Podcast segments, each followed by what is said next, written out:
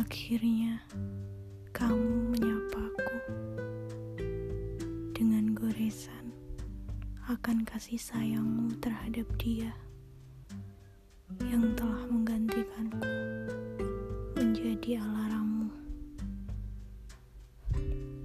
Apakah kamu peduli atau malah semakin bahagia melihat diriku? Sendiri di sini terbelenggu?